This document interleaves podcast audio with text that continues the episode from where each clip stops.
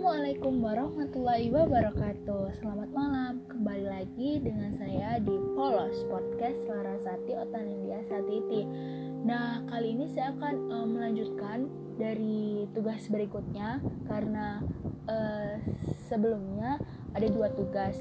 Yang pertama sudah saya jelaskan di podcast sebelumnya Dan ini tugas selanjutnya Mengenai materi studi kasus benturan nilai hukum di mana terdapat dua soal. Nah, soal yang pertama berikan contoh tiga kasus yang menggambarkan benturan nilai hukum yang sering terjadi di masyarakat Indonesia. Soal yang kedua, temukan solusi dari kasus tersebut dengan kaidah Gustav. Nah, untuk kasus yang pertama dengan judul terdakwa pencurian sandal jepit difonis bersalah. Di mana kasus pencurian ini sering terjadi pada November 2010 ketika uh, Nama samarannya itu AAL, e, pelajar SMK 3 Palu yang dituduh mencuri sendal jepit milik Bribtu Ahmad Rusidi Harahap yang merupakan anggota Brimob Palu, Sulawesi Tengah.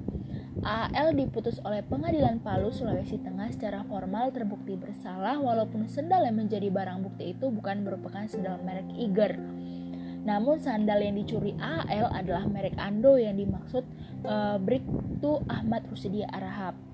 Sehingga sandal yang diambil oleh AL merupakan sandal yang tidak bertuan. Maksudnya tidak bukan sandalnya dari Bribtu Ahmad Rusidi Arahap tersebut. Menurut hakim, tindakan terdakwa mengambil barang yang bukan miliknya adalah unsur melawan hukum dari sebuah pencurian.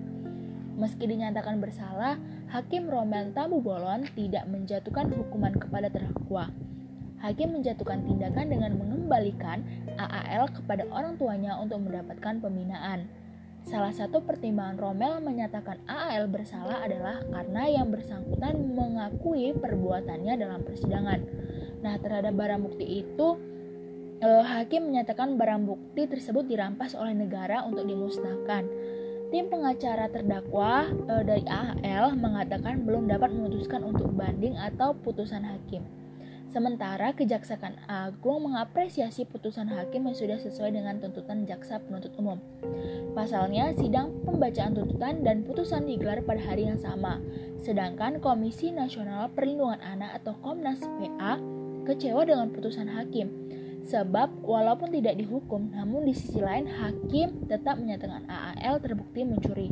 Nah, menurut Sofian yang juga mantan dosen dari uh, di Fakultas Hukum Universitas Tadulo, Tadulako uh, mengatakan bahwa adanya kejanggalan putusan hakim karena barang bukti bukan milik saksi pelapor, namun hakim tetap memutuskan terdakwa terbukti uh, bersalah. Kasus ini sejak awal harusnya mendapat pendampingan dari lembaga perlindungan anak. Nah, solusi yang uh, yang harus kita ambil dari menurut teori dari Gustav bahwa tentang keadilan. E, dilihat dari teori tersebut adanya ketidakadilan pada kasus AAL yang hanya mementingkan kepastian hukum saja tetapi menyeimbangkan segi keadilan dan kemanfaatan. Padahal prioritas dari hukum sendiri adalah keadilan. Nah, sehingga kepastian hukum menjadi penghambat dalam mewujudkan keadilan dan kemanfaatan. Pengadilan yang merupakan tempat penegakan hukum seharusnya tidak hanya memberikan kepastian hukum, tapi juga memberikan keadilan dan kemanfaatan sosial melalui putusan hukum. Kegagalan mewujudkan tujuan hukum dalam kasus AAL dapat berdampak pada meningkatnya rasa ketidakpercayaan masyarakat uh, terhadap pemimpin hukum dan lembaga hukum. Proses peradilan seharusnya tidak hanya menerapkan dari bunyi-bunyi pasal-pasal yang ada, melainkan bekerja dengan empati dan simpati. Namun dalam realita kehidupan pada era yang sekarang, fungsi hukum sebagai sarana pengintegrasian berbagai kepentingan yang ada belum bisa diwujudkan dengan struktur peradilan yang form uh, yang form uh, yang formalitas belum bisa memberikan keadilan bagi rakyat kecil. Nah, sehingga hukum yang baik akan terwujud ketika hukum positif itu selaras dengan hukum yang ada dalam masyarakat. Kasus yang kedua yaitu dengan judul Nenek Minah namamu disebut. Namanya disebut bukanlah uh, oleh sembarang orang dan bukan di sembarang tempat. Namanya disebut calon Kapolri Komjen Listio Sigit Prabowo di tempat terhormat, yaitu di ruang sidang Komisi 3 DPR. Nenek Mina difonis satu bulan 15 hari dengan masa percobaan selama 3 bulan oleh Pengadilan Negeri Purwokerto pada tanggal 19 November 2009. ia terbukti melanggar pasal 362 KUHP tentang pencurian. Kasus ini bermula ketika nenek Minah memetik tiga buah kakao milik perusahaan pada tanggal 2 Agustus 2009. Perbuatannya itu diketahui uh, oleh mandor perusahaan sehingga nenek Minah meminta maaf dan menyerahkan kakao yang dipetiknya kepada mandor tersebut. Polisi memproses nenek Mina sebagai pencuri sampai akhirnya duduk sebagai terdakwa dan kemudian difonis bersalah.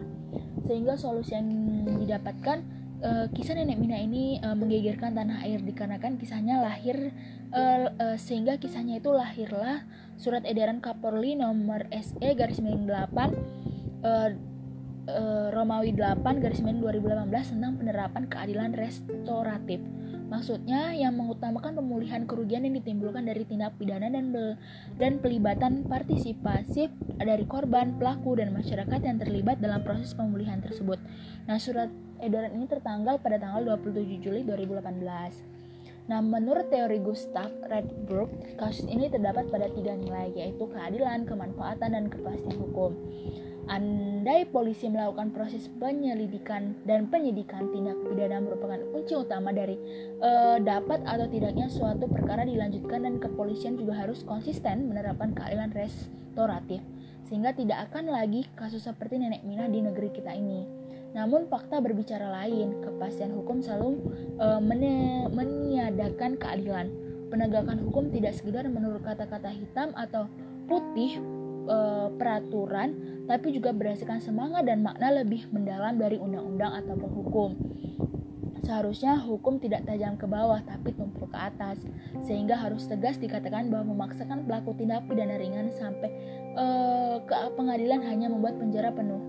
Karena banyak tahanan yang melakukan tindak pidana berat mendapatkan kebebasan dari proses asimilasi. Untuk kasus contoh kasus yang tiga dengan judul Dukung Baik Nuril Perjuangkan Keadilan. Nah, pada bulan Agustus 2012, kepala dari SMA N7 Mataram, yaitu Muslim, menelpon Baik Nuril ya sebagai staf honorer. Pembicaraan tersebut diduga mengandung unsur asusila dan direkam oleh Baik Nuril. Nah, sekitar tahun 2014, eh, eh, seorang rekan dari Baik Nuril bernama Imam Mudawin menyalin rekaman pembicaraan dari eh, Muslim dan Baik Nuril. Setelah disalin, rekaman disebar secara luas. Nah, tanggal 17 Maret 2015, Muslim melaporkan Baik Nuril ke kepolisian. Nah, selanjutnya pada tanggal 27 Maret 2017, Baik Nuril mendapatkan tuduhan dengan tindak pidana mentransmisikan rekaman elektronik yang bermuatan yang e, isinya tuh tentang kesusilaan. Nah, sehingga pada tanggal 26 26 eh, Juli 2017 Ketua Majelis Hakim Pengadilan Negeri Mataram uh, Nusa Tenggara Barat Albertus Husada menyatakan baik Nuril dinyatakan tidak bersalah.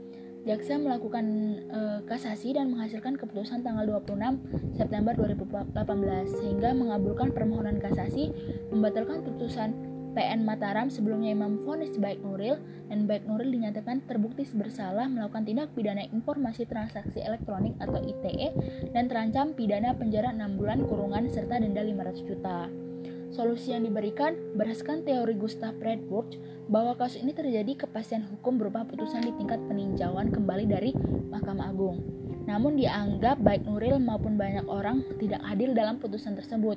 Sehingga dalam kasus ini terjadi pertentangan dan ketegangan antara kepastian hukum dan keadilan. Ketidakadilan hukum atas putusan e, Mahkamah Agung sehingga mendorong masyarakat untuk meminta keadilan yang lebih tinggi e, yaitu amnesti presiden.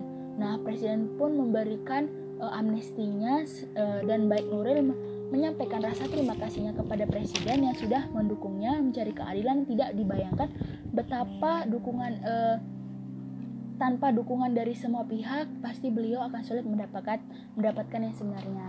Nah, sekian dari uh, penjelasan um, materi yang sudah saya materi dari mat, dari materi studi kasus benturan nilai hukum mengenai soal-soal yang sudah saya jelaskan kembali lagi besok-besok uh, dengan saya. Uh, uh, kurang dan lebihnya mohon dimaafkan. Wabillahi taufiq walhidayah wassalamualaikum warahmatullahi wabarakatuh